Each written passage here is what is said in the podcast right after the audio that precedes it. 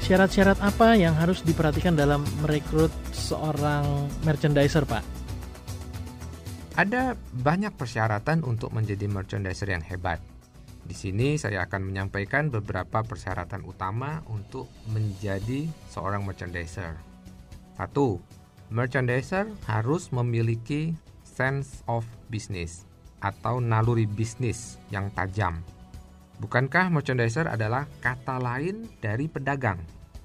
Merchandiser harus memiliki jiwa dagang atau jiwa bisnis, sehingga seorang merchandiser harus dapat melihat setiap peluang bisnis dari setiap keputusan yang akan diambilnya pada saat menghadapi tawaran dari pemasok.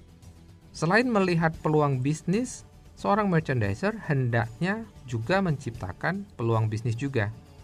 Kedua, merchandiser harus memiliki integritas yang tinggi. Bukan rahasia lagi bahwa posisi sebagai merchandiser sering disebut sebagai posisi rawan dari tindakan yang melanggar etika.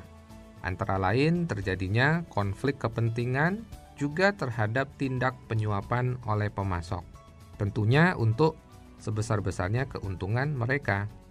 Bukti dari integritas yang tinggi adalah kesetiaan seorang merchandiser dalam melakukan hanya yang benar jika itu yang dimiliki, maka hampir bisa dipastikan bahwa segala keputusannya adalah hanya untuk kebaikan dan keuntungan dari perusahaan yang diwakilinya dengan cara-cara yang etis. Merchandiser yang memiliki integritas tinggi adalah syarat mutlak bagi perusahaan retail yang berwibawa di hadapan pemasok. Syarat ketiga, merchandiser harus memiliki common sense, yaitu kemampuan menggunakan akal sehat.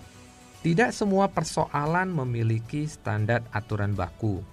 Terkadang kita menemukan hal-hal yang tidak pernah kita pelajari atau alami sebelumnya. Maka, dalam pemecahan masalah, seorang merchandiser dituntut mampu berpikir menggunakan common sense-nya agar bisa menyelesaikan masalahnya dengan baik. Syarat keempat, seorang merchandiser harus memiliki keterampilan matematis.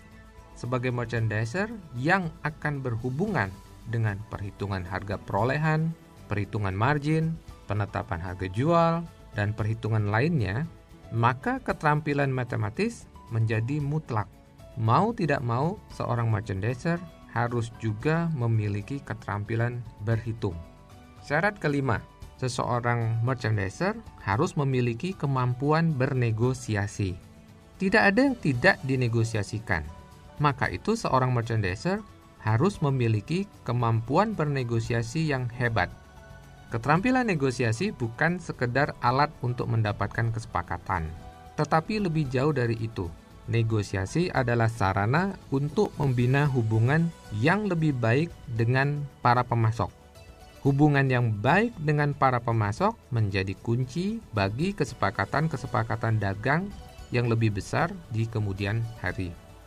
6. Selain harus memiliki integritas tinggi, merchandiser masih harus memiliki beberapa attitude positif antara lain, yaitu berpikir positif. Kedua, berpikir terbuka. Tiga, belajar terus-menerus. Berikutnya, melayani, saling menghormati, dan tidak mencari alasan.